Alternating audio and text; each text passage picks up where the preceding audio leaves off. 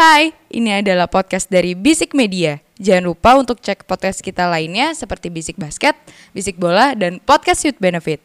Oh iya, jangan lupa juga follow Instagram kita di @bisikmedia.id. Oke, selamat mendengarkan.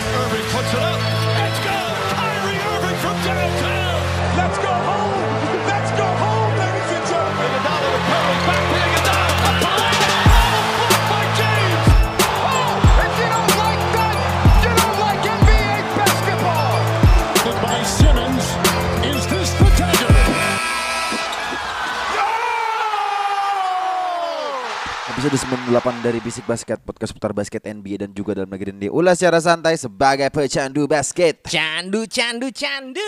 Seperti biasa Senin malam bareng sama gue Dimas Yoda Eke Dimsu Dan udah tadi Ramzi Alam Eke Duzi Eke Komeng Eke Ramzi Eke Jontor Jeger Jeger Jeger Bum, bum, bum. Wak wak wow Dari mana nih Zi tadi Zi? Nice, kerja, kerja, kerja. Tapi udah lebih ini ya maksudnya Udah nggak seperti biasanya pulang pagi balik lagi ke kantor ah, balik ke kantor ini baru sekarang ini juga sih Ya ya. nggak tahu juga sih nanti balik lagi ke kantor apa enggak. Tapi Oh, ya yang penting gitu. dijalani dengan happy ya Oh, guys gitu. ya. Berarti lu lebih fun sekarang ya. Oh, oh. Ngomongin eh, tentang yang hal-hal yang fun Hmm? di episode yang terakhir kita bikin off the court Mm-mm. bahwa event yang bersama teman-teman kita di Girls on Court ya. Ya, ya. Eventnya udah tersaji te- eh, Sabtu kemarin. Mm. Lo kan ke sana Ji. Hmm. Kasih tahu dong untuk para pendengar Basic Basket kita nih eventnya kemarin kayak gimana berlangsungnya. Wih, rame banget, bener-bener rame banget dan Hmm. gua akuin gimana ya antusiasme dari temen-temen dari eh, Girls on Court ini juga bener-bener seru banget dan juga ada beberapa gamesnya juga dan ya ada sponsor-sponsor juga yang memberikan beberapa hadiah gitu ya ada skills challenge terus ada eh, fun pickup games juga terus juga wah emang bener-bener seru banget sih Hmm, gitu. Oke oke oke. Speaking of fun juga, Mm-mm. Uh, last weekend ada ya sebenarnya kita ngomongin juga di pekan kemarin sih sama teman-teman kita di plus minus dan males juga sih. Mm-mm. Um, All Star break di hari Jumat tuh biasa gue nggak terlalu ngikutin sih. Maksudnya ya siapa sih yang merhatiin gitu Rising Star, Rising Challenge Star gua sempet nonton tapi yang sebenarnya gua agak-agak salut tuh soalnya Ignite juga ikut.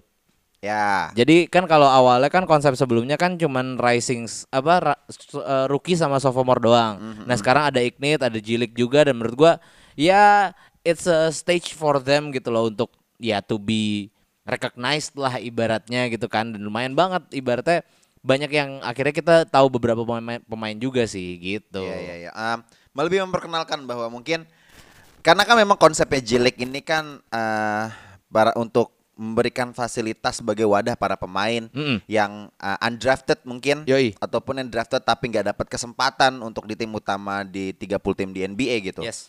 Tapi uh, mereka patut untuk diberikan kesempatan ya ini mungkin salah satunya biar mereka mereka bisa merasakan oh uh, ambience dan atmosfernya Ya. All Star tuh seperti ini loh. Mm-mm. Dan juga em, di hari Sabtunya ya seperti biasa ya ada ada apa eh, skill challenge, Iya.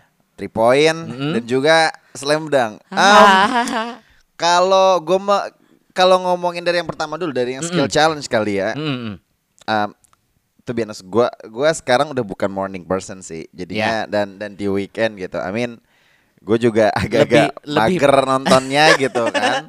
Karena kita tahu ini cuman even di hari Jum, di sela, di tiap weekend gitu. Mhm. All Star weekend di game yang di hari eh, apa event di hari Jumat dan Sabtu itu menurut gua nggak terlalu menarik. Iya.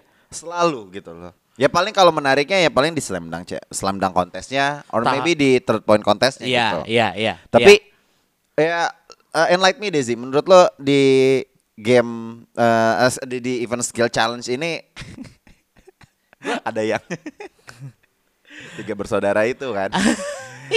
Dan juga tapi, tapi konsepnya gimana sih untuk yang sekarang nih kayak gimana? Kalau dulu kan setahu gua kan Skill- uh, konsepnya itu kan satu lawan satu. Heeh. Nah sekarang kan udah ada di Tim. uh, yang konsep ini kan dibikin tim untuk bertiga. Mm, mm, mm. Menurut lo eventnya tuh lebih seru yang dengan konsep seperti ini atau yang satu lawan satu gitu? Jujur gue lebih suka konsep yang sekarang di mana apa eh, masing-masing itu ibaratnya bisa mempertunjukkan bakat mereka yang sebetulnya gitu loh.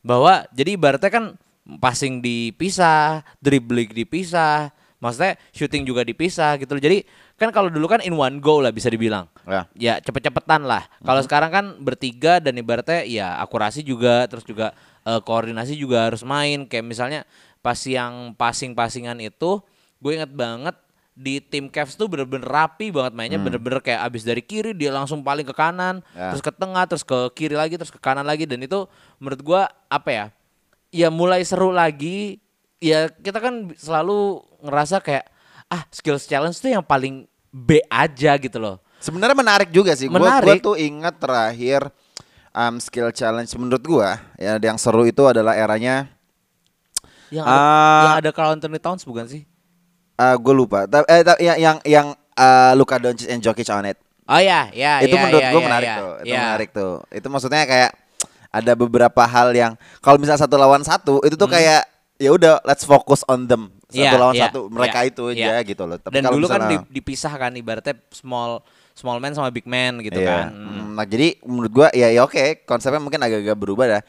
It it a lots of improvement sih Iya, untuk iya. eh, untuk All Star ini dan dan memang emang All Star kan uh, uh, entertainment yang di mana harus menyajikan hal-hal yang fresh kan. Mm-mm. Karena menurut gua juga agak-agak monoton kalau misalnya ya seperti itu aja konsepnya Iya, gitu iya. loh dari tahun ke tahun gitu loh. Paling yang mungkin gak, ter- nggak nggak banyak berubah adalah ya di three point contest dan Iya, juga slam dunk iya. champion Iya. pun juga gue melihat bahwa keresahannya di sosial media eh dunk champion eh, slam dunk contest. kontesnya pun juga nggak terlalu makin ke sini udah nggak makin menarik gitu Iya. loh. Nah, justru gue berharap gini, eh dari segi apa ya perubahan in game-nya lah ibaratnya. Hmm. Three point contest udah mendapatkan perubahan dengan adanya do yang apa bola do-nya itu yang three points itu. Ya. Terus juga dari Moneyball. em, bukan yang moneyball, yang hijau. Oh yang yang, agak mundur yang- sedikit. Iya, yang lebih jauh. Ya, ha. Itu udah mulai Itu ada chance itu cuma sekali ya. Iya, sekali. Ada Oh. dua, ada dua. Jadi kiri dan kanan. Oke. gitu logo tree bilangnya jadi ada corner ada wing Ah. ada logo tree ada center balik lagi ke logo tree terus wing lagi habis itu co- corner And lagi it counts as three point. Iya. Oke. nah yang Mountain Dew Kalau Moneyball kan dua. Moneyball dua Ah. gitu nah terus eh, sebenarnya skills challenge juga justru gue melihatnya udah mulai ada improvement dengan ada dengan konsep baru ini jadi lebih seru jujur karena ya ibaratnya small man big man semuanya ada bisa dan itu memperlihatkan sekali bahwa Antetokounmpo itu hanya Giannis aja, tidak ada yang lain yang Ya memang dua, dua saudaranya kan cuma cadangan doang. Iya betul. Walaupun dua-tiganya udah juara ya. Ya balik lagi. Eh gimana gimana? Nah kalau gue berharapnya mungkin jujur kayak tahun ini slam dunk contest bener-bener off banget, off banget, bener-bener nggak kayak aduh nggak nggak nggak kayak pas yang waktu lawan yang Aaron Gordon sama Zach Levine gitu loh, Iya. nggak se-hype itu dan gue sih berharapnya mungkin tahun depan atau mungkin dua tahun lagi ya NBA bisa memberikan konsep yang lebih lebih lagi lah daripada dunk contest yang cuman gitu aja gitu loh Iya, karena iya. been- it's been a long time since mereka kayak gini gitu loh konsepnya. Ah, kalau kenapa ya gue nggak tahu. Gini Hmm. gini gini gini. Ah, bagi gua karena kalau kalau ah, gini. Ah, bagi gua slam dunk contest ya ah, yang itu 2016 ya Iya, antara 2016. Zach Levine sama Yes. Aaron Gordon ya. Yes. Itu tuh ya sebenarnya seru, seru. Dari skillsnya mereka juga menurut gua kere, ah, bagus dan entertaining gitu. Yep, yep. Tapi gua nggak dapet se-hype dulu Nate Robinson ngelewatin Dwight Howard. Iya, iya sih, iya um, sih. Dwight Howard as a Superman gitu. Iya. Gini, it's okay kalau misalnya lo kasih gimmick. Hmm, hmm. Kayak kan ya, ya gimmick gimmick gimmick ngedang kan udah dari dari Gimik dari yang pakai sepatu boots itu. Dari dulu, Hah? Gimik yang pakai sepatu boots itu si Cole Anthony. I, ya, apa pun yang pakai gini deh, gimmick tuh udah selalu ada yang dari yang Cole Anthony tahun ini pakai sepatu Iya. Timberland, terus Ah. habis itu Oladipo yang bareng sama almarhum apa? Um, eh, Chadwick Boseman yang Iya. Wakanda Hmm, Forever Wakanda, lah, iya. something itulah. Terus habis itu juga um, kita ingat juga Black Griffin ngelewatin mobil Hmm, hmm, hmm. yang sama Ya. Kenny Smith di blow up banget. Yap, yap. Ya kan maksud gua ya gimmick akan selalu ada di slam dunk contest gitu loh. Ya, di dunk ya. contest tuh akan selalu ada gimmick. Jadi tapi variasi dari dunk ya menurut gue yang udah hilang. Ya, iya, iya. variasi iya. dang yang gua nggak tahu makanya mungkin kreativitas dari para pemain NBA untuk melakukan dang ini yang harus di-adjust sih kalau menurut gua. Karena kalau gimmick ya udah gimmick akan selalu seperti itu aja. Akan ngikutin eranya seperti apa, hype-nya lagi apa. Ya itu yang akan dimainin gitu loh. Dan Tapi variasi dangnya itu yang menurut gua harus jadi concern sih. Iya, dan apa ya? Kayak misalnya juga si Jamoran tuh menolak untuk ikut dunk kontes kan. Tahu nggak karena apa? Karena gua Apa? karena gua itu sebenarnya in game dunker. Anjas. Waduh, gua udah mikir, yes juga sih Kevin Love aja mau lu tomprok ya. Mohon maaf. Ya, Aaron Baines aja juga lu pengen akhirin untuk karirnya kan. Mm-mm, Cuman makanya. Ya buat gua sendiri itu fokusnya adalah slam dunk, eh, dunk contest ini ya gimmick gua nggak masalah lah. Lu mau kasih eh, suguhan tontonan seperti apa atau bisa gimmick-gimmick apa gua nggak masalah gitu loh. Hmm. Cuman variasi dunk lu tuh bikin kita wah gitu loh. Jangan Iya. karena wahnya itu karena gimmick lu. Mm. Tapi karena dunk lu. Mungkin sebenarnya kalau bisa gue tambahin ya, nggak ada gimmick-gimmick yang apa ya kreatif juga gitu loh menurut Iya. gua. Kayak dulu tuh gue inget banget Green Green Greennya Nets, Gerald Green. Gerald Green. Hah? Eh Nets. iya iya eh iya pok- pokoknya Gerald Green, Green. itu iya Gerald Green Yang, yang dang yang mana? yang dia niup lilin. Ya, Nah Gerald Green. itu it's it's a simple gimmick tapi lu bisa tahu kalau misalnya dia bener-bener dia tiup lilin itu ya bener-bener kelihatan gitu loh. Yang kayak gitu-gitu, gue nggak melihat itu ya apa Obi Topin apa dang dang terakhirnya cuman nektok terus abis itu masukin. It's been ya udah cuma gitu aja gitu loh. Dan ibaratnya mungkin kalau Javel Begi zaman dulu pas dia jang champion dia yang dua tangan, dua dua dua ring, terus juga ada yang dia tiga bola, ingat batu gua. Nah, yang kayak gitu-gitu maksud gua ya make it harder gitu loh ibaratnya. Iya, Gitu jangan sih. jangan takut apa ya? Gua nggak tahu mungkin udah eranya udah Iya. tahu sih. Iya. Cuman cuman concern gue itu kalau lu mau naro mau naruh en- eh, entertainment di situ it's okay no problem Hmm, no biggie buat gua. Cuman variasi dangnya gua nggak tahu mungkin udah kehabisan ide Iya. atau mungkin lu para harus harus belajar sama Jordan Kilganon kali ya, biar ngasih ngasih ini gitu loh. Maksudnya kan dia kalau ini kan Ya, entertainment ya, banget kan ya, dangnya ya. Maksudnya I don't know and pemain NBA kan harusnya sih bisa melakukan seperti itu ya apalagi Iya. dang. Tapi satu lagi hal yang gua menurut eh, buat lu lu nggak boleh ngomongin adalah Obi Topin.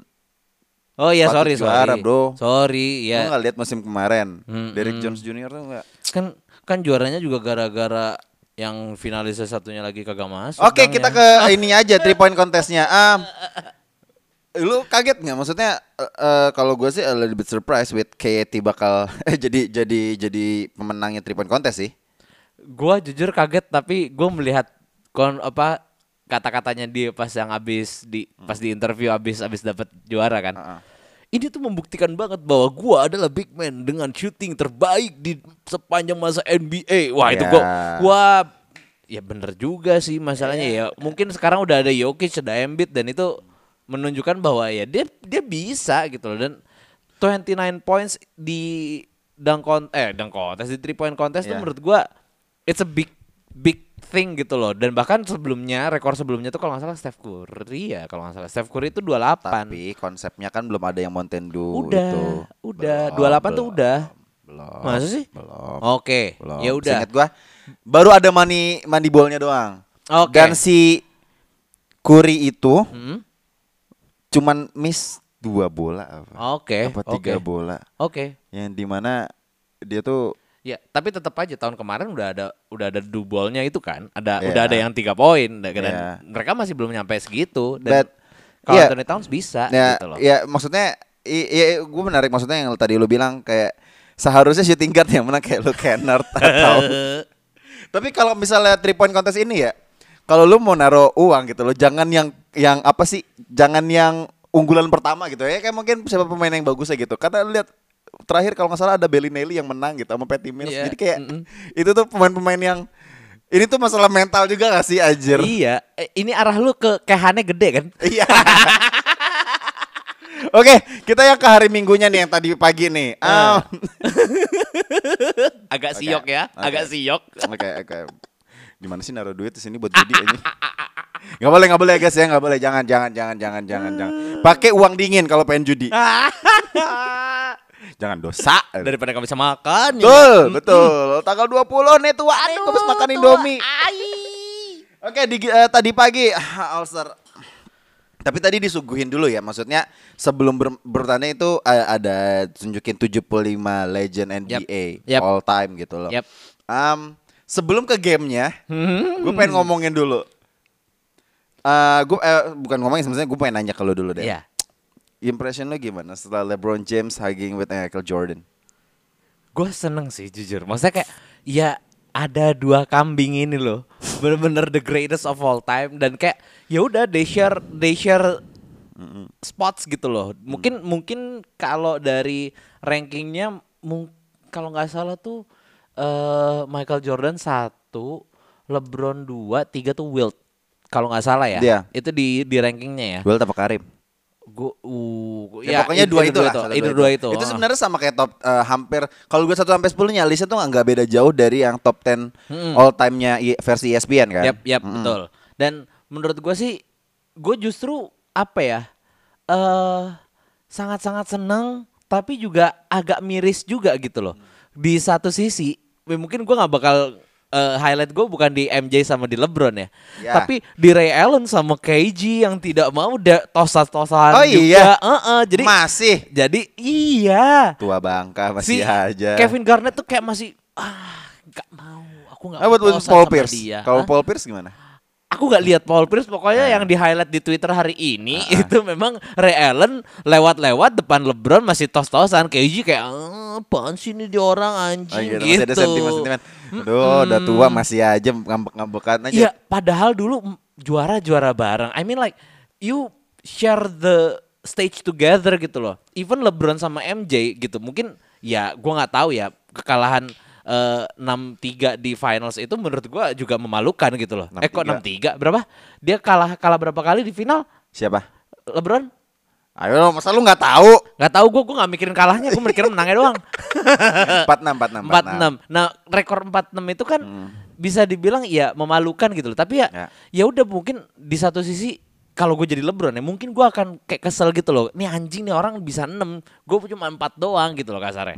Dan itu masih ya udah tuh ya kita di recognize juga di basket gitu Iya. loh intinya. Iya. Kayak lu kenapa masih ada selek-selekan sih gitu loh. Ah. Ya tapi gua nggak tahu sih, gue juga belum lihat ada nggak sih eh, apa interaksi antara Isaiah Thomas dengan Michael Jordan. Ah. Aku juga tidak lihat gitu loh. Ah. Cuman ya maksud gua it's enough lah udah lah lu udah lu udah di sana berbarengan di Hall of Fame juga Iya. ya udah gitu lu lu udah membuat hal yang wah menurut gua untuk di eh, untuk Celtics ya pribadi tapi ya gua tau sebenarnya beefingnya itu dari sebenarnya Ray Allen pindah ke Miami Heat sih. iya memang pasti Untuk taking uh, next challenge for being a champions. Iya. Menurut gua wajar aja gitu. Iya. Tapi mungkin gini, eranya dulu itu tuh kayak itu tuh bukan hal yang wajar. literally bro, bros before hoes Iya, ya itu bukan hal yang wajar. Iya, iya, Kalau iya, sekarang iya. kan ya udah lo mau pindah ke mana pun juga, Iya. ya kan diawali dengan karena pemain lo itu kan.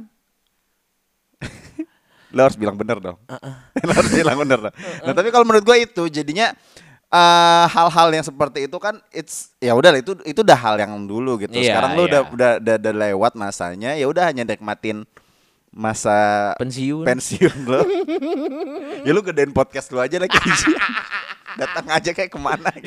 iya Ke media-media mainstream di NBA di di basket gitu. Mm-mm. Jadi ya tapi gua nggak tahu mungkin ada something dan hal lain yang menurut Ya. gua kayaknya ada ada udang di balik bakwan sih kalau menurut gua sih. Tapi ya balik lagi yang tadi ke MJ sama LeBron, lu lu Ya. senang dengan hal itu? Seneng. Karena di media tadi di, eh, di gue liat komen-komentar di media mainstream gitu ya di IG di di, di, Hmm. eh, akun NBA atau House of Highlight atau Bleacher kayak eh dibilangin gini, these two players like two legends coexisted coexisted. Iya, iya, Jadi iya. kayaknya mereka tuh nggak boleh ada dua legend. Yaudah lu aja, lu aja kayak saling Iya. tunjuk-tunjukkan lu legendnya enggak lu legendnya lu legendnya gitu loh. Jadi ya gue sih gimana ya? Ya ini mungkin balik lagi kayak masalah eh, kita kita ngebandingin siapa yang lebih baik antara Maradona atau Messi lah kasarnya bisa dibilang gitu. Ya udah eranya udah beda dan ya mereka jadi legend di era masing-masing gitu loh. Gua Iya. kan gua kan menerima itu aja Iya, gitu loh. iya, Udah iya. dan lu yang nonton Maradona saat itu atau mungkin Lu akan menganggap Maradona yang terbaik. Iya, lu yang nonton Messi zaman sekarang dan lu nggak ngelihat Maradona zaman dulu, ya udah lu akan menganggap Messi yang terbaik. Jadi Hmm. kayak ya udah lu nikmatin aja gitu loh. Gue sih gue sih nggak mau take it personal ya, maksudnya kayak ya udah gue LeBron selalu di hati tapi gue juga mencoba untuk oh iya MJ juga apa bagus gitu Hmm. loh, bener-bener bagus dan kalau misalnya gue balik lagi ya, kalau misalnya obrolan ke masalah greatest of all time, Mm-mm. Mau mundur jauh banget nih ya, ya. ada masih ada satu hal yang belum bisa digeser sama LeBron Oke, oleh apa itu? Michael Jordan, Apa itu? yaitu eh, Michael Jordan bisa menduniakan bola basket. Ah, he's the face of NBA at yes, that time. yes, bukan bahkan bukan cuma NBA, basketball. Iya. Itu yang belum bisa digeser Iya. sama LeBron. Ah, ah. Udah kayak kalau misalnya masalah accomplishment atau masalah gaya main, ya ya udahlah gitu loh. Cuman balik lagi sih greatest of all time itu bisa merubah something gitu loh. Kalau katanya MJ waktu di interview, kayak gue pernah sampein juga di, di Hmm. eh, epi- apa, e- episode yang udah lampau court dulu banget. gitu ya? Kayak atau dulu. gue lupa deh. Ya pokoknya gue udah pernah bilang. Heeh. Eh, diskusi untuk greatest of all time kata MJ itu irrelevant Hmm.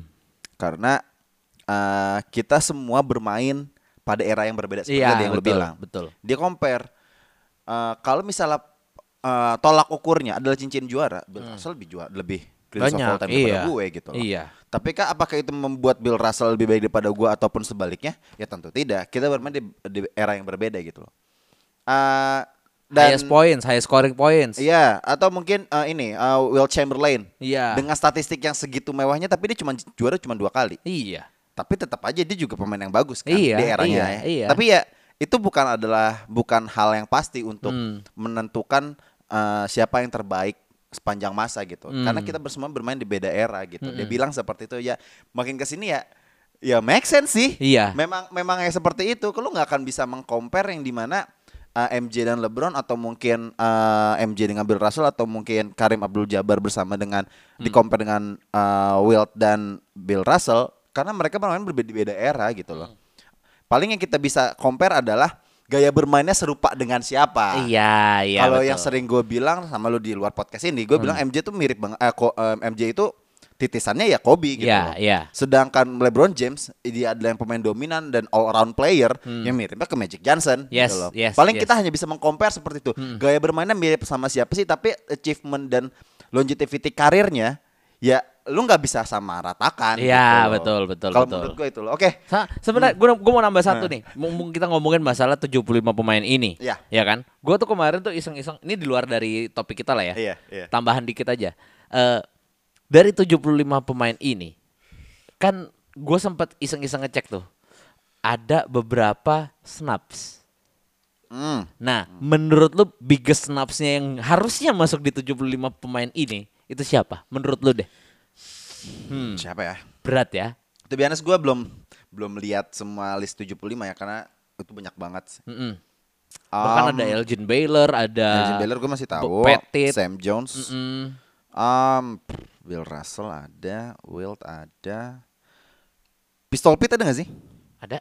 Ada, Ada, ya. ada. Da- da- itu maksud gue, gue banyak banget. Maksudnya dari 50 sampai 75 tahun NBA banyak banget. Mungkin yang sekarang yang baru-baru ini ya pemain medio 2000 lah. Sampai 2022 sekarang. Um, aduh siapa ya? Gue sempat ketemu sih satu Siapa? yang kayaknya harusnya bisa ada di situ. Siapa? T-Mac. Oh, Tim gak ada ya? T-Mac nggak ada. AI ada gak sih? AI ada. Ada ya. Kenapa? AI. Pokoknya yang nggak ada nih. Nih ada ada beberapa biggest slumps eh biggest snapsnya itu T-Mac. Biggest slumps. slumps lagi. biggest snaps. Snaps. Snaps. Masalahnya lu typonya jadi ada meaning gitu. biggest, biggest slumps. Bronx banget ya. Terus, Jadi yang pertama tuh T-Mac. Yao Ming juga nggak ada di situ. eh, tadi gue pengen ngomong Yao Ming. Yao Ming menurut gue. Clay Thompson and then hmm, ada satu lagi aduh. I would say Draymond. Oh, Draymond Green. Ya, Draymond Green juga. Draymond. Draymond Gua- um ya ya, gue ngerti sih keresahannya karena kenapa Draymond dan Clay nggak ada. Karena ya mereka akan selalu menjadi pemain yang dibawa-bawa yang Mas Kyrie. Di, ya, gue ya. ngerti gitu loh. Ya, Mas Kuri ya. Hmm, cuman buat gue, um, I don't know, Den- Dennis Rodman ada nggak? Ada, ada. Dennis Dennis Rodman Rodman ada ya? Walaupun datang gede nggak pakai jaket, cuma pakai kaosan doang. Gua respect banget orang gila. Um, ya ya, gue gua gua akan memilih Yao Ming sih karena gua nggak tahu. Mungkin achievementnya mungkin dia mungkin nggak juara, tapi dia beberapa kali All Star dan Ya. Uh, dia adalah salah satu legend untuk Houston Rockets. Oh, Buat gue kalau- sih dia harus ada di sana. Kalau gitu. misalnya ngomong-ngomong masalah zero rings Hah? juga masih ada Charles Barkley di dalam sana. Tapi Charles Barkley adalah Ya. wajah ya wajah NBA sih waktu Ya, itu ya, ya. ya pemain penting. Kalau misalnya komparasi mungkin dia kayak siapa ya di di era kita ya. Um, Kalau Anthony Towns maybe ya bisa Ya, jadi. segitu bisa ya. jadi um, siapa ya pemain yang All Star caliber tapi tapi unlucky aja gitu. DeMar DeRozan. Ya, Iya, iya kan? ya. Iya kan? Ya, ya. Atau Walaupun beda Dwight, posisi ya. Ya, Dwight ya, ya. Howard. Eh, tapi dia udah punya cincin. Dwight. Howard masuk 75. Enggak.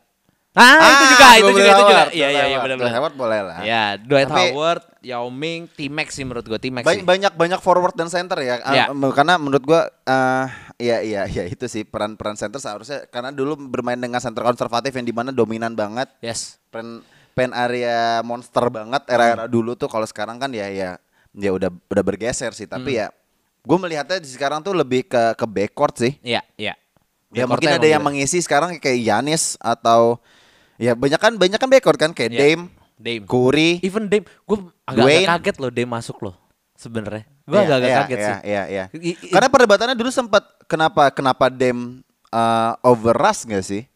Ras masuk, Ro. Ras masuk ya? Ras Russell masuk ya? Westbrook. Iya, iya, Ras Iya, Dame over Clay Thompson lah. Ah, ya. Gitu loh. Nah, iya. Dame over Clay Thompson. Oh ya, menurut gue setuju sih kalau misalnya Dem di compare dengan Clay sih ya. Iya, maksudnya secara ring udah jelas. Mungkin secara eh, mentality ya mungkin ya memang Itu kalau mungkin faktornya itu sih mentality iya, sih. mental mentalnya dia memang gila banget sih. Oke oke oke oke oke. Iya iya, gue setuju tadi tadi udah ada ada Yao, terus habis Dwight Howard, Clay, T-Mac T-Mac dan I would say Draymond sih harusnya di sana gitu. Draymond Ini- harusnya bisa lah. Ini ya. tuh tipe-tipe pemain yang gue suka gitu loh Ji. Iya, Lo kan iya, ngerti iya, kan maksud iya, gue iya, kan? iya, You feel iya. me kan? Iya. Gue pemain-pemain yang underappreciate Iya. tapi dia impactnya sebenarnya sama dengan alpha male-nya gitu loh. Ini pemain-pemain beta yang ya harusnya ada di sana. harusnya ada Dame. Pippen aja masuk kok sama Ya. Dennis Rodman. Kalau itu kan wajar. Ah, iya, iya, iya. dong. Kalau itu wajar dong. K- Lu gak akan bisa menggeser pemain itulah. Udahlah di sekitarnya circle-circle-nya. circle. Circle. yang musuhnya yang yang tahun 90 aja ada itu kan. Aduh, IT dan- pertama. Aduh, ja- ah, aduh. Oke, gamenya gimana nih Ji? Menurut lu gimana nih gamenya nih? Ya, Ah, All Star. Tadi gua nonton tuh. Ah. Tadi gua gini ya. Tadi gua pagi tuh nonton kayak oh, oke. Kuarter Di- kedua eh, masih di- di ya, grup- ya udah kalau di kuarter kedua kan yang main kan yang bench player tuh iya, iya. udah kayak ya uh, Jared Allen terus abis itu ya kayak udah ada Lamelo gitu kan Ah. terus abis itu dari dari kubunya si Le- uh, Le- tim LeBron tuh siapa sih yang banyak yang main tuh kayak DeJounte. Dejounte De, Dejounte kan Merah ya? si merah De- DeJounte squadnya merah. Eh, Dibuk? Enggak, enggak, Dibuk Dibuk juga enggak. merah Iya ya. Ya itulah pokoknya udah bench Ya, player pem- semua ya. Kalau yang Ah. yang uh, second quarter tuh pemain-pemain benchnya gitu Ah. yang banyak kan dan gue tuh di situ kayak aduh masih pagi tuh masih ngantuk jam 9 gue masih tidur. Terus tiba-tiba lu pada rame di grup basic basket, oh, udah quarter 4 nih, udah mulai rame baru Iya tonton kan? nih gitu. Iya kan? Nah, tapi in, uh, lu nonton semuanya kan full semua nonton. Mm-mm. Nah, menurut lu menurut lu uh, dengan konsep yang hampir serupa dengan beberapa tahun terakhir kan? Iya, iya Ya, sama persis. kita udah Ah. mulai main per quarter, nggak Iya. nggak satu full, Mm-mm. satu game gitu loh. Mm-mm. Makin ke sini menurut lu gimana? Karena udah di tiga tiga tahun terakhir kan dengan konsep yang serupa, Iya. harusnya udah terlihat nih, oh ini semakin menarik atau ini semakin kayaknya biasa aja, kayak hmm, gitu. Aku cuma mau mengingatkan kepada Rainur bahwa tidak terjadi itu 5-0 namanya ya kan. Toh quarter kedua diambil sama timnya KD, quarter ketiga tie, terus quarter keempat ya tim LeBron yang menang gitu kan dan overall tim LeBron yang menang dan menurut gua gimana Mungkin ya? lima kosongnya itu unbeatable-nya dia sebagai kapten Oke, kali. ya ya ya ya. Bener kan? Bukan, iya bener, bener sih, bener sih. Dan gimana ya? Secara secara dari game gue jujur quarter satu, quarter dua, quarter tiga kayak ya udahlah Iya, ya. iya, Itu iya, bener-bener ibaratnya ta- eh, quarter satu dikasih buat LeBron, quarter dua dikasih buat KD, quarter ketiga disengajain tie itu kayak biar tidak ada satu yayasan yang tidak mendapatkan uang.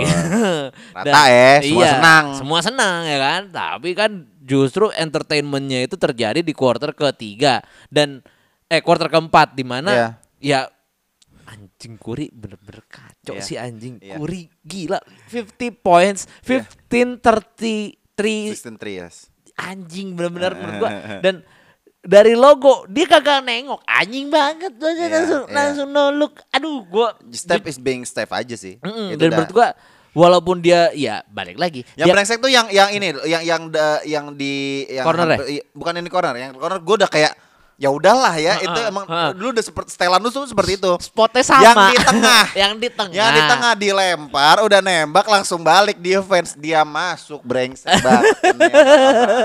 Dari Ohio ini. Iya, dan apa ya? Gue melihatnya kalau misalnya dari segi gamenya ya udah kayak ya udah gitu-gitu aja. Tapi jus- jujur gue selalu suka dengan intensitas dari game di quarter keempat. Iya, selalu itu selalu keren banget bener-bener apa ya? Semuanya hasil banget ya.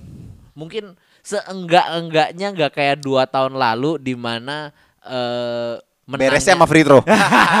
itu gua dia. tahu. Itu udah gua Sama tahu kayak Rising. Stars-nya ya Iya, kan iya, Rising Stars-nya iya. kemarin juga pakai free throw dan Beresnya pakai free throw ya? Iya, Rising Oke. Stars kemarin pakai free throw. Terus eh apa ya? Dan gue juga ya emang apa ya? Kalau misalnya ini adalah gimmick ya, gue yakin ini Ya. bukan gimmick sih. Iya. Ini adalah gimmick yang paling pas gitu loh. Di mana main di Cleveland, closure-nya si LeBron Hmm. dan itu ya udah poetry in motion lah kasarnya, bisa dibilang gitu. Tapi gini, yang gue lihat nih di beberapa turnovers yang di udah mulai udah mulai kalau nggak salah tuh closure-nya kan 16 163 poin ya. 163 161 akhirnya. Enggak terakhirnya kan 163 Iya, poin kan iya. untuk untuk ngejarnya kan. Iya. Di 155 156 kalau lu merhatiin itu tuh Curry tuh langsung dikasih terus tuh. Ayo dong, beresin nih. Iya, Jadi iya, dikasih iya, iya. kalau gue lihat eh, tim LeBron nih ngasih panggung dulu nih ke Curry nih.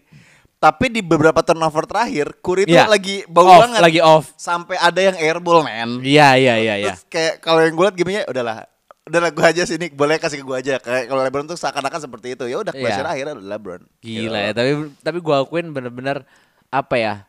Permainannya juga walaupun gua ngeliat ada beberapa mismatch ya kayak misalnya mereka masang Jared Allen sama masang em eh Giannis, Hmm. terus Steph, terus LeBron sama DeMar. iya Eh, Ini starting line up udah gila banget, gila. Mhm. Lawannya Embiid, terus em Lamelo, Mhm. terus gue lupa tiga lagi siapa. Pokoknya ada, Jonte nggak sih ada di John John itu sampai akhir kalau nggak salah Oh ya pokoknya itulah dan gue menurut gue apa ya bener-bener kalau lu lihat starting line up ya si LeBron ini eh bukan starting line up finishing line up lah bisa dibilang ya finishing line up ini. Ini bener-bener gila banget semuanya udah bisa closure semua itu. Nah. gila ya kecuali Curry lah Curry baru sekali buzzer beater kan. Iya. tapi menurut gua ya mereka itu big time player semua gitu Eh, loh intinya. Ah, ah, ah. dan dan Gitu. dan tipe-tipe yang eh, pemain yang bisa menyelesaikan at the clutch Mm-mm. time sih. Mm-mm, jadi kalau menurut gua ya ya ya ya ya, menurut gua entertainment entertaining lah kalau Iya, untuk di iya. quarter keempat ini lah dan ya itu sih gue masih kebayang sama Curry tuh gue ngeliat anjir di akhir-akhir lu malah airball lu Iya. kayak sepanjang game ini kayaknya lu anget banget gitu lu tangan lu aja tapi kita terakhir airball gitu sampai akhirnya kayak ada yang eh Curry tuh gue gak lihat ya di, di turnover yang tadi yang gue bilang itu sampai kayak udahlah gue sini gue yang rebound gitu sampai Iya. kayak ya udahlah Jared Allen sampai udah, udah cabut aja semuanya kayak pem- pemainnya tuh kayak udah langsung turnover langsung gitu. ISO kasih ke ISO. LeBron dan LeBron langsung di di, da- di mid range di double team sama um, Lamelo sama Lamelo Embiid. dan em, bu no no no Embiid. Embiid Embiid dan Zach Levine oh iya Zach Embiid dan Levine Zach Levine ya tetap aja selesai juga gitu. Terus Iya. bawa, bawa Cleveland This is for real menurut gua kayak nah nggak relate sih. Dan lagi apa di akhirnya itu loh adem gitu ngelihatnya ya. Apa ada tuh? ada pelukan antara LeBron sama Curry kan. Aduh. Oh, itu kan udah biasa. Oh, itu udah itu udah udah konco kan. Lo temennya aja Draymond aja udah nonton Super Bowl bareng kok. Oh iya Satu iya. manajemen oh undrafted iya sekarang, betul ya juga. Kan tinggal kapan itu join bareng yang main. Ay ay ay. Tapi menurut lu Curry deserve to be an MVP All Star. Men 50 poin. 50 poin. Ini Lima- ini ini eh, non debatable ya. Iya, dan menurut gua 15 3 itu gini, in game aja yang paling banyak masih Clay. Iya. 13 kalau nggak salah 13 sama 14 ini Iya. tuh paling banyak in game di NBA ya walaupun All Star ya Hmm. tapi tetap aja in, ya 15 lu 3 poin 15 45 sendiri mohon maaf mohon maaf mohon maaf 45 gitu loh dan menurut gua Ah. ya udah emang udah worthy banget dan ya udahlah Curry is being Curry jadi ya udah kasih aja lah Oke. Gitu. Dari oke, ini terakhir untuk nutup uh, review uh, All Star kali ya. Karena ini- sepekan kemarin kan kita fokusnya udah All Star aja, kita udah nggak fokus ke game biasa. Dari skala 1 sampai 10, how entertaining for this year NBA All Star buat lu? weekend All Star Ah, weekend Semuanya ya overall, overall. 8 lah 8 ya. Heeh. Kenapa kasih Off-nya 8? off-nya tuh gara-gara dunk Pros cons-nya aja. kenapa? Consnya tuh ya off-nya itu gara-gara dunk contestnya kayak ya kamu masa pakai ngedang pakai sepatu boots gitu aja. Aku Ya. tuh kayak- maksudnya gimana ya? It's gotta Loh, be kalau misalnya kalau ngomongin sepatu boots, Gerald Green itu nggak pakai sepatu loh, ngedangnya tiup lilin itu loh. Masa sih? Iya. Masa pakai sepatu sih? Iya. Lu cari abis ini. Bener. Oke, ya udah nanti gue coba cek. kaos kaki, men. Licin dong. Iya, beneran. Ntar lu lihat deh abis ini, Iya, iya, iya. sumpah. Ya, Beneran. Tapi maksud gue juga ya despite of pakai boots doang terus Ah. juga beberapa dunk attempt-nya juga nggak dapet. Maksudnya ada beberapa pemain yang eh, dunk attempt-nya udah tiga kali nggak nggak dapet dan akhirnya cuma dapet ya bisa dibilang eh, nilai-nilai ya udah nilai-nilai partisipasi gitu loh. Dan menurut gua gimana ya? Ya harus harus ada sesuatu yang lebih baru lagi sih di dunk contest. Tapi Ya. masih gue juga masih belum kepikiran mungkin ya nggak tahu harus tandem kali gitu Ya. mungkin nggak tahu Gua kalau gua sih menilai tujuh setengah sih. tujuh setengah Karena kalau lu sebenarnya hampir serupa gua agak off di dunk contest. Mm-mm. Karena dunk contest ini kan main event untuk dari Sabtu. ya ya Di ya malam benar benar di benar benar kan? benar Seakan-akan kalau dunk contestnya ini nggak ngebom, Hmm. ibaratnya kan kalau musik komedi ini harus jadi punchline lah. Kalau punchline-nya nggak nggak kena, ya lu semuanya tuh basi, Ya, basi, garing basi, gitu loh. basi. Semua build yang lu bikin tuh jadi buyar semuanya. Tujuh setengahnya karena menurut gua kan eh, di All Star Game-nya menurut gua masih menarik, masih seru.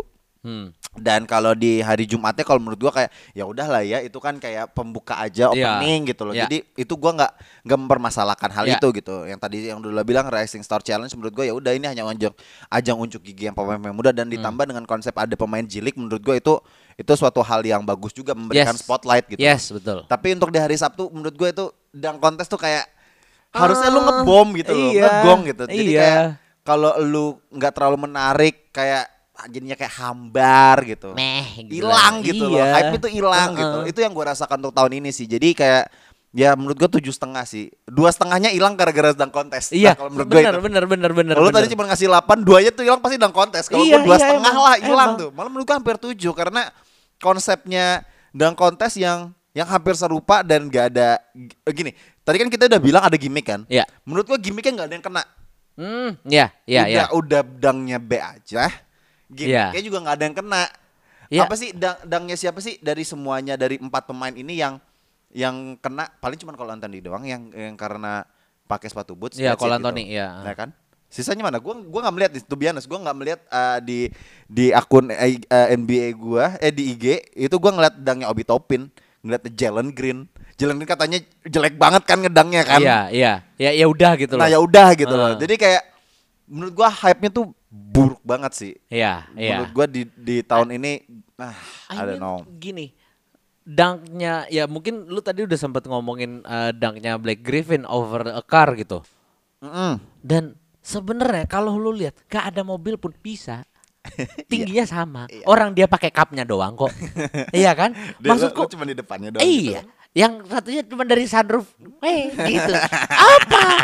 Apa? Sebenarnya sama. Tapi seru Tapi gitu. seru. Lu ada hype dia, wow di atas mobil nih bos gitu. Padahal cuma cupnya Terus doang. bawa-bawa choir gitu kan. Eh Iya. nyanyi semuanya. Ah beli. iya, iya kayak gitu-gitu. itu itu. Nah gimmick tuh harusnya seperti itu. Iya, gimmick. Dan lu harus ngebom gitu loh. Eh gimmick- ngegong. Gimmicknya si Dwight Howard Iya. masuk ke box telepon, Iya. box telepon umum, Iya. terus tiba-tiba pakai ini Superman, itu Eh, bagus. sebelumnya ketat gitu aja. Heeh. Terus Iya, iya, eh, gimmicknya si Nate Robinson waktu itu ya disuruh si Superman gue jumping over Superman coy gitu loh. Itu ada ada storyline di mana yang wah ini seru banget gitu. Dan ditambah lagi ya mungkin memang kalau Nate Robinson ya karena eh size-nya dia jauh dia di tinggal bawah. sama kita, men, tapi dia bisa ngedang, men. Makanya. Dan itu. over Dwight Howard ya bodo Iya. amat dia agak dorong si Dwight Howard dikit ya udah bodo amat gitu loh. Iya, dia tetap ya tetap ya, sih dang champion gitu. Jadi kalau menurut gua kayak ya gitu, lu harus ya oke gimmick nggak masalah gue udah berapa kali bilang gimmick nih, tapi memang memang selalu seperti itu. Iya, tapi iya. Ya lu dapat entertainmentnya, tapi lu juga skill ngedangnya tuh juga Iya. harus di- jangan sampai dilupakan gitu Iya, loh. iya. Kreativitas karena kan menurut gue esensi dari dang kontes itu kan kreativitas lo ngedang. Bukan dang yang biasanya mungkin oke lah 360 ataupun eh, kayak kayak dari samping dari baseline itu kayak ya udahlah oke lah. Cuman harus ada hal-hal yang seger lagi nih dari kreativitas Iya. dang yang menurut gue yang gue harus tunggu di eh, yang kita harus tunggu di, di tahun depan sih. Eh, kayaknya adjustmentnya harus di situ sih. Iya. Nah, kan? feeling gue sih Jamoran harus harus main sih. Jamoran. Jamoran harus racing the bar lah intinya. Tapi Barnya udah agak turun soalnya, bar turun banget. Iya, uh, uh, ah, iya. Tapi gua nggak tahu Jamoran mau apa enggak ya. Setelah iya, iya. tadi lo sampaikan. Iya. Terhadap dia yang nggak mau nge- mempertunjukkan dangnya, dia hanya in game dunker aja. Atau mungkin, Mhm. atau mungkin justru dang kontesnya ya memang dikasih ke eh, yang orang-orang yang kayak dang academy gitu. Ya kayak misalnya Jordan Kilgannon gitu-gitu loh. Ya sekalian racing the bar sekalian gitu loh. Atau enggak jadi jadiin horse aja gitu bisa. Menurut gua malah mendingan horse. Nah, nah, nih, nih, nih, eh, apa Adam Silver dengerin Ramji nih.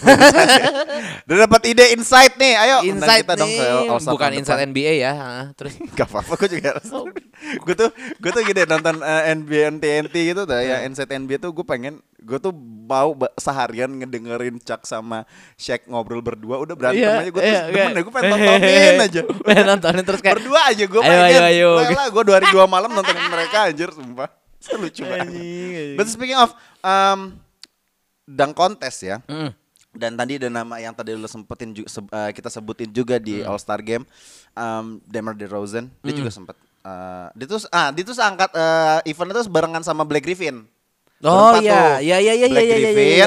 The, uh, Javel Ibaka dan Demar Derozan Oke. itu tuh 2011 Oke. 11 2011. kalau nggak ya. salah 2011 mereka eh, itu event All Star 2011 tuh di LA kalau nggak salah Ya, Los Um, Angeles ya. gue pengen ngomongin tadi kan kita sebelum ngetek kita udah bahas nah ini dan Hmm. juga kita sempat nonton uh, interview Chips. ya, chipsnya Draymond with Demar Derozan. Um, ini pemain apa ya? Kita bisa bilang bahwa dia All Star caliber of course, Ya, ya. but um, dia nggak pernah direcognize seperti itu gitu. Hmm, hmm. Ya All Star All Star, tapi dia as a uh, player yang yang dianggap sebagai pemain yang diperhitungkan, yang sebagai wajah satu tim gitu, Hmm. agak-agak di inilah di di Pandang dikesampingkan sebelah lah, mata. Hmm. pandang sebelah mata lah. Em, gua agak seneng dengan performanya dia di Bulls tahun ini, Banget. yang di mana dia tuh seakan-akan momentumnya tuh gini, bukan eh, seakan-akan dia terlahir kembali gitu loh. Gua nggak menyalahkan dia waktu eh, di Spurs ya, maksudnya Ya. he's eh, got eh, great time juga di sana. Dia Ya. nggak buruk-buruk juga di sana gitu loh. 20 poin, 21 poin per game rataannya dia selama tiga tahun di Spurs menurut gue itu cukup gitu loh. Cukup membuktikan bahwa dia adalah salah satu pemain yang yang memberikan kontribusi juga gitu sebagai pemain utama di Spurs. Tapi Yap. Seakan-akan setelah berpindah ke Bulls dia merasa gue melihatnya bahwa dia terlahir kembali gitu loh. Don't you think Ji, kayak begitu? Menurut lu gimana? Setelah dia punya momentumnya waktu di Toronto dan yang kita tahu semuanya waktu dia di Toronto itu kayak ya dia adalah duo eh, menurut gua dengan best friendnya Kyle Lowry gitu Ya. ya. Dia dia meg, ibaratnya kalau kata bahasa kampungnya megang wilayah timur nih, megang dah ya dong, megang dong, megang dong. Iya. Konsisten Abang-abangannya Toronto pokoknya. ko- konsisten di peringkat dua gitu loh. Maksudnya salah satu eh, dua tim ter eh, apa salah salah dua tim terbaik di wilayah timur gitu loh. Menurut lu lu sebe- eh, punya pendapat enggak atau lu setuju dengan apa yang tadi gue bilang? gue melihatnya gini ya apa ya si Demar Derozan ini pas mungkin gue akan highlightnya ya pas di Spurs ya mungkin ada apa ya rasa sakit hati juga. Kayak tadi si Dipas dia dia sempat bilang gitu loh gue kaget gitu loh. Bahkan even teman-temannya pun kayak are you kidding me? gitu loh. Ya. intinya ada ada momen-momen seperti itu di mana nggak mungkin lah Demar Derozan yang cabut gitu loh. Dan di situ mungkin ada unsur sakit hati juga. Dan gue sih ngeliatnya ya memang ya there you need time to heal gitu loh to heal yourself dan menurut gue itu yang dilakukan oleh DeMar DeRozan saat di San Antonio Spurs dan mindsetnya dia ya Draymond Green langsung membuka pertanyaan dengan kamu kan pengen juga balik ke Los Angeles dong ya Yeah. kan gitu nah It's cuma- from Compton by the way. Iya. Nah, terus eh dari situ dia juga melihat chance juga gitu loh bahwa di Chicago, Chicago juga udah mulai apa ya bisa bisa dibilang udah mulai stack gitu. Udah ada Fuchs di sana, udah ada Zach Levine di sana. Ditambah mereka mau menambahkan lam- eh siapa? Lonzo. Lonzo. Lonzo dan menurut gua And don't forget with my boy. siapa? Caruso. Oh ya, Alex Caruso. Nah, itu menurut gua apa ya? eh terima kasih yang sebesar-besarnya kepada salah satu franchise bernama Chicago Bulls ini yang Iya, sudah iya. sudah memberikan harapan bagi DeMar DeRozan dan membuktikan bahwa DeMar DeRozan tuh masih ada gitu loh. Iya, betul. Intinya gitu. Kalau gua gua ngeliat orang memandang dia sebelah mata bahkan San Antonio Spurs kayak ya udah gitu loh. Mungkin mungkin mungkin dia memang masih memegang apa ya? kendali di Spurs gitu. Cuman ya orang kayak ya lah siapa sih DeMar gitu loh. Iya. Gara-gara pas di Spurs gitu sih. Karena mungkin agak ketutup karena emang Spursnya as a, as we know that they're uh, tim yang big three yang kita tahu kayak TP, terus TD dan juga Manu kan. Iya, iya. Dan pas kepindahannya uh, Demar ke Spurs itu seakan-akan tuh kita pada lupa bahwa Spurs tuh ya udah kita taunya mereka lagi tanking aja. Bahwa Iya, kita lupa iya, sana iya. masih ada All Star player loh Iya. yang namanya Demar Derozan gitu loh. Ya kontribusinya dia kita nggak bisa lihat karena ya kita udah tertutup akan timnya aja gitu Hmm. loh. Ya Spursnya gitu walaupun Pop masih di sana gitu loh. Tapi kita lihatnya bahwa em, seakan-akan Spurs hilang mereka di papan bawah kita jadi lupa bahwa Demar tuh di sana loh. Hmm. Ya, Pemain All ya. Star ada pemain All Star namanya Demar Derozan tuh di sana gitu loh. Jadinya menurut gua eh apresiasinya terhadap Demar Derozan tuh udah mulai menghilang gitu loh. Dan gue senang banget sekarang dia ngambil eh eh, pindah ke Bulls bahwa ya walaupun gue sebenarnya berharapnya dia ke LA ya. Ya, Iya, kita tahu iya. kalau misalnya ke LA dia akan ke mana gitu. iya, yang satu itu tidak maksudnya. mungkin kan? Ah, nggak mungkin dong. Nggak, yang satu itu nggak gantiin yang satu itu dari nol jadi 10 gitu loh. Ayo dong. Nol. Hah? Kan awalnya sekarang yang sekarang dipegang kan nol pemainnya nomor nol. Nah nomor nol itu dibuang nanti. Nggak jadi, nggak jadi yang nggak jadi pakai nomor nol. Jadi oh, kan- oh, Ah, anjir ya ya ya gitu ya ya. ya. Kok gue lama banget kedengar. Nah. Dia lagi ngomongin timnya, gue lagi gue pikirnya di Clippers ah nomor nol siapa anjir. Ya. Ya ya, tapi gini lah. ah, yang gue lihat bahwa karena karena kan banyak pemain gitu ya yang Ya. yang merasa bahwa gue pengen lebih dekat di kampung halaman di hometownnya di hometownnya dia gitu loh. Hmm. Kayak makanya kita selalu narasinya Dame akan balik ke Kelly gitu loh yang Hmm. ah, biasanya bakal bermain dengan LA ataupun ataupun ke Golden State gue gak jauh banget sih itu nggak mungkin sih. Nggak mungkin, nggak mungkin, Atau nggak kayak narasinya dulu AD bakal ke Celtics atau Chicago Hmm. yang di mana dekat kampung eh, dekat rumahnya dia di sana Hmm, gitu. Narasi-narasinya kan seperti itu gitu loh. Nah, wajar kalau menurut gue Demar eh, narasi medianya tuh bakal ke LA gitu. Tapi Hmm. ya dia memilih Chicago Bulls menurut gua awal-awal kayak skeptis nih Eh, orang kenapa gitu. sih pindah ke sini gitu loh. Tapi kita lihat sepak sepak terjangnya sejauh ini Ternyata. ya nggak buruk-buruk Eh, juga. iya. And dia mendapatkan best seasonnya dia saat ini nggak sih? Mm-mm. Eh, 28 poin per game sampai di Februari sampai All Star break ini dia eh, 28 poin per game Ya. adalah rataan dia tertinggi sepanjang karirnya. Sepanjang Which is karir itu dia, ya. adalah yang terbaik dan gua juga ikut senang gitu loh. Um, menurut lu gimana Ji? Kalau gue sih mungkin apa ya nambahin aja kali ya. Kalau dulu gue senengnya gini sih apa DeMar DeRozan ini dalam tanda kutip meninggalkan jejak buat Spurs. Kita lihat Spurs sekarang ya punya at least punya satu All Star player lah ya di di, di John Murray gitu loh. Dan gue yakin itu pasti ada eh, arahan-arahan dari DeMar DeRozan gitu loh saat itu gitu loh. Iya. gue sih gitu. Karena ya ibaratnya kayak mungkin lu lihat di zaman dulu gitu ya waktu beberapa tahun sebelum ini kita tarik balik pas si Fitri sebelum ke Phoenix Suns gitu. Di mana OKC akhirnya sekarang udah mendapatkan si Ludort lah udah mulai mateng, terus ada SGA yang udah mateng dan ini ya It's kind of legacy ya. Iya ka- kind of legacy juga gitu loh. Ibaratnya ya kalau di Toronto mungkin ada Pascal Siakam, tapi kan itu kan ya agak-agak ke ke kelau ya, cuman ya udahlah.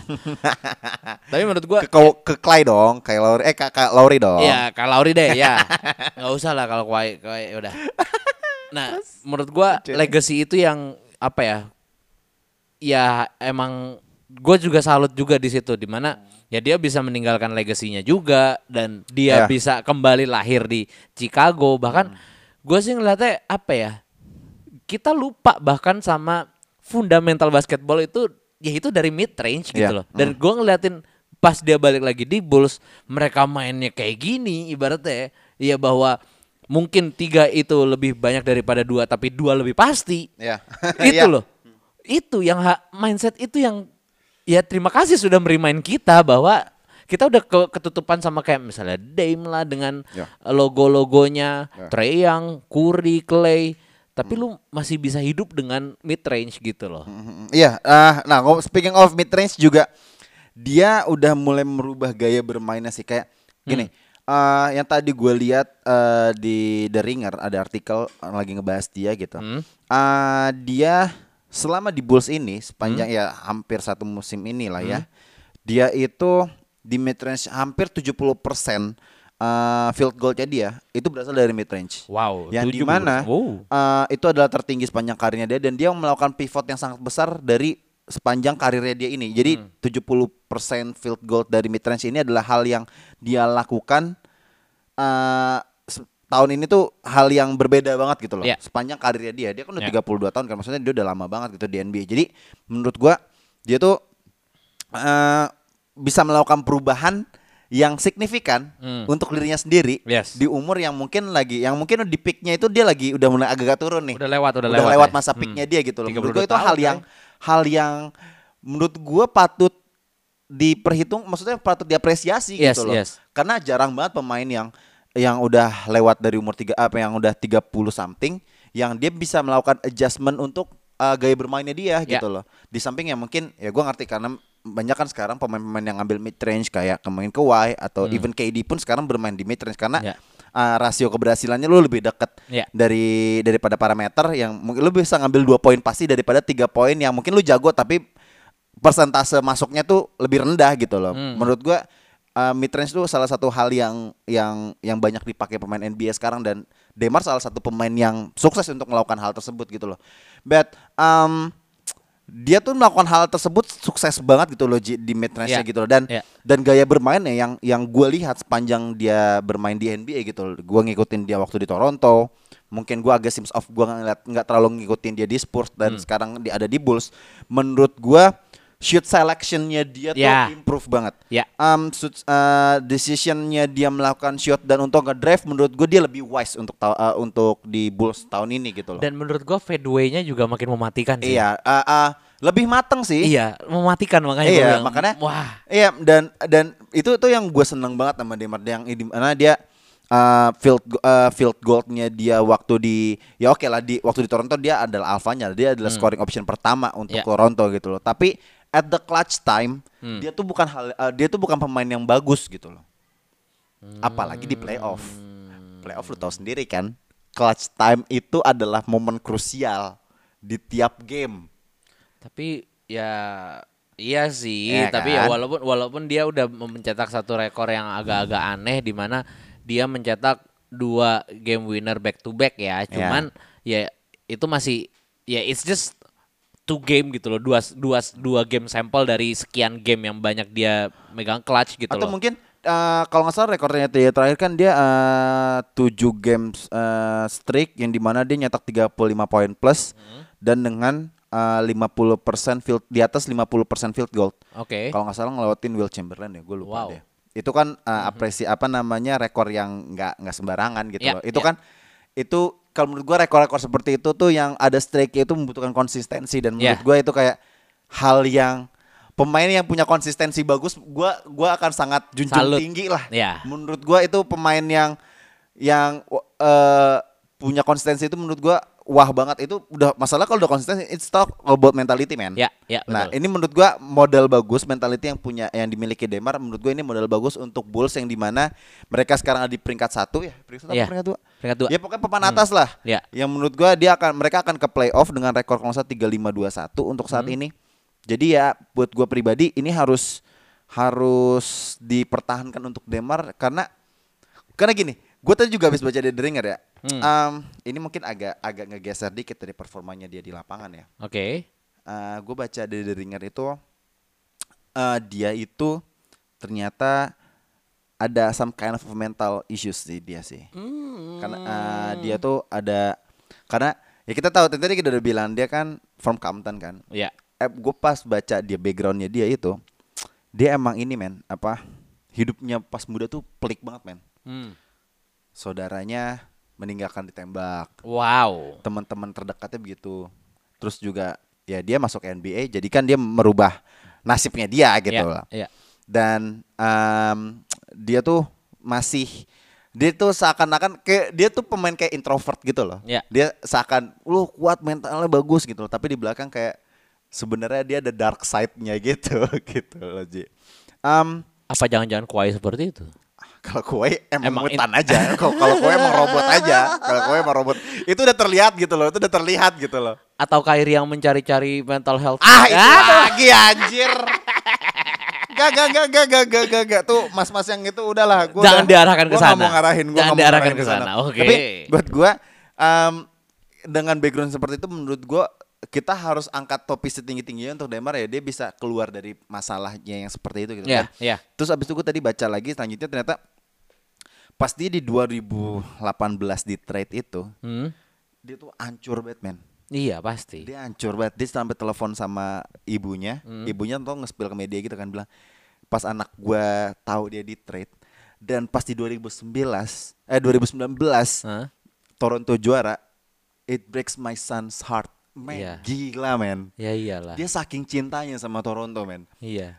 Ini tuh pemain gue tuh gua nggak tahu ya maksudnya kita tuh eh ngeliat pemain NBA tuh kesannya kayak strong gitu loh. Ah. Ternyata isu-isu kayak gini tuh ternyata ada gitu Ya bahwa mereka NBA. juga manusia. Iya gitu begitu. Jadi kayak menurut gua ya, jadi lu harus appreciate lah Ya. Demar kayak Mungkin kita refleksikan ke diri kita deh. Kalau misalnya lu gitu, Iya. lu yang misalnya lu adalah pemain Toronto Raptors terus tiba-tiba lu di trade terus akhirnya Raptors akhirnya beneran juara. karena dia secinta itu sama Toronto gitu loh. Lu mau seneng tapi lu mau sedih juga. Iya. Gitu loh. Nano-nano banget, bener-bener apa ya? Gue pengen wah, akhirnya tim kesayangan gua, franchise kesayangan gua juara. Tapi sayangnya gue bukan bagian dari itu gitu loh. Iya, ah, Gua nggak hanya ada bagian- kontribusi gue. Mm, mm, mm.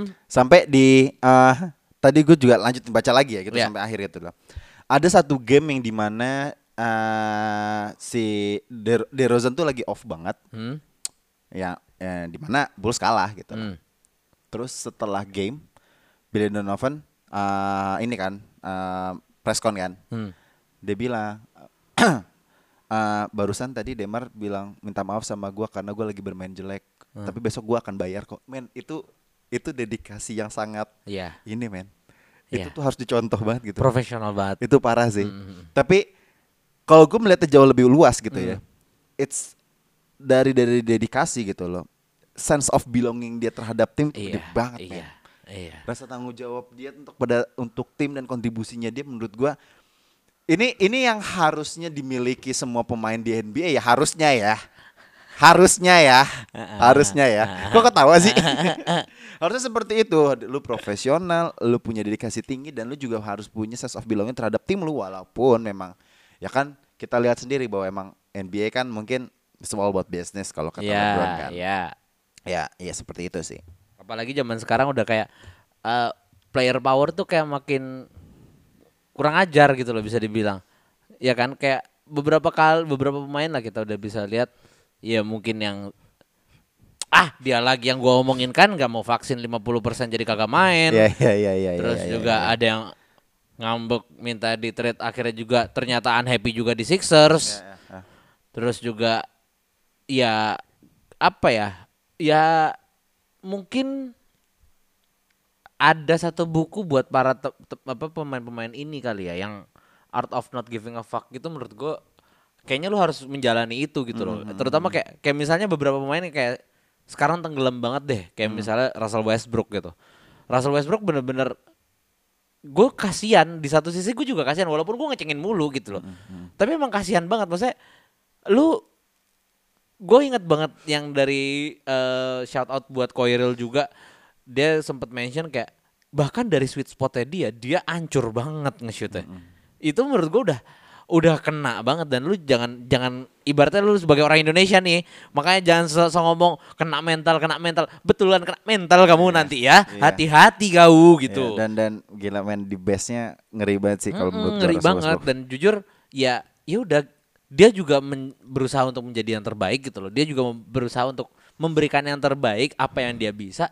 Ya udah just give him a chance gitu loh. Iya. gitu sih. Eh, em, eh, dari eh, apa yang tadi kita bilang dia tapi memang dia masih ada eh, Ya. lag-nya Ya. sih maksudnya kekurangannya dia dari sisi defense menurut Hmm. gua ya mungkin karena di Bulls yang tadi udah beberapa nama yang udah kita sebut kayak Lonzo dan Caruso itu kan salah satu eh, backcourt defender yang Yap. yang wah banget kan Yap. yang bisa men- eh, menutup kekurangannya Bulls dari sisi defensif gitu Hmm. loh karena eh, dari defensive ratingnya si Demar Derozan tuh agak- agak-agak buruk juga gitu loh Hmm. Eh, jadi buat gue pribadi eh, ini yang perlu karena ini ya kalau secara ofensif menurut gua Demar ya udahlah oke lah top Iya. notch lah. Tapi kalau misalnya di defense menurut gua adjustment yang harus dia lakukan adalah ya untuk eh marknya dia di parameter menurut gua perlu banget gitu loh. Dan dan reading the game lah ya ibaratnya. dan dan eh, passingnya dia uh, and the crucial moment harus di adjust sih karena eh ya seperti gue bilang di awal musim eh, gua akan yakin Bulls bakalan ke playoff. Hmm. gue akan sangat yakin mereka akan di sana dan ya eh, udah mulai agak terbukti nih Hmm. mereka di papan atas gitu loh. Tapi kalau misalnya di playoff lu hanya jadi first round exit menurut gua agak amat disayangkan gitu iya betul betul banget. Jadi buat gua pribadi eh, kalau dari hanya defense-nya aja mengandalkan satu dua pemain tapi nggak semuanya untuk hasil dari sisi defense menurut gua ya lu akan sama aja gitu. Dan mungkin ini akan jadi tantangan terberatnya DeMar DeRozan di mana dia harus bisa meng- apa ya bisa memperlihatkan bahwa ya yang bagus dari dia itu bukan hanya regular seasonnya tapi juga playoffnya juga Ya, bagus betul, gitu betul, sih betul. Oke, eh, speaking of playoff, eh gue kayaknya dulu pernah bilang Desi sama lo. Gue eh, kayak kita pernah bahas juga di eh, episode-episode awal gitu, apa pertengahan gue lupa. Eh, kita pernah bahas pemain yang lo pengen banget dia at least satu cincin juara terakhir. Ya kan? Iya Ya kan? Heeh. Ya, of course nama gue pertama ya gue pengennya di di Rose, obviously gitu loh. Iya Kedua itu kalau nggak salah gue pengen ngeliat si Chris Paul. Iya Yang ketiga itu gue terakhir gue gua gua lupa. Tapi gue akan menempatin nomor tiga sekarang Demar sih. Iya. Iya. Setelah apa yang sudah dia lewati dan apa yang sudah yang ternyata terjadi juga gitu loh, ya worth it sih. Ya, worth Menurut it gua dan apa ya? Pemain yang dapat chance kedua Kayaknya mereka deserve untuk dapat satu cincin. Iya Kayak kan, ya. satu deh. Ya bukan Russell Westbrook dong. ya kan? Bukan dong. Dia kan hanya memikirkan dirinya sendiri. Bukan dong. Perasaan tadi aku bela, kenapa aku Ngapain lagi dia? kita bela ya kan?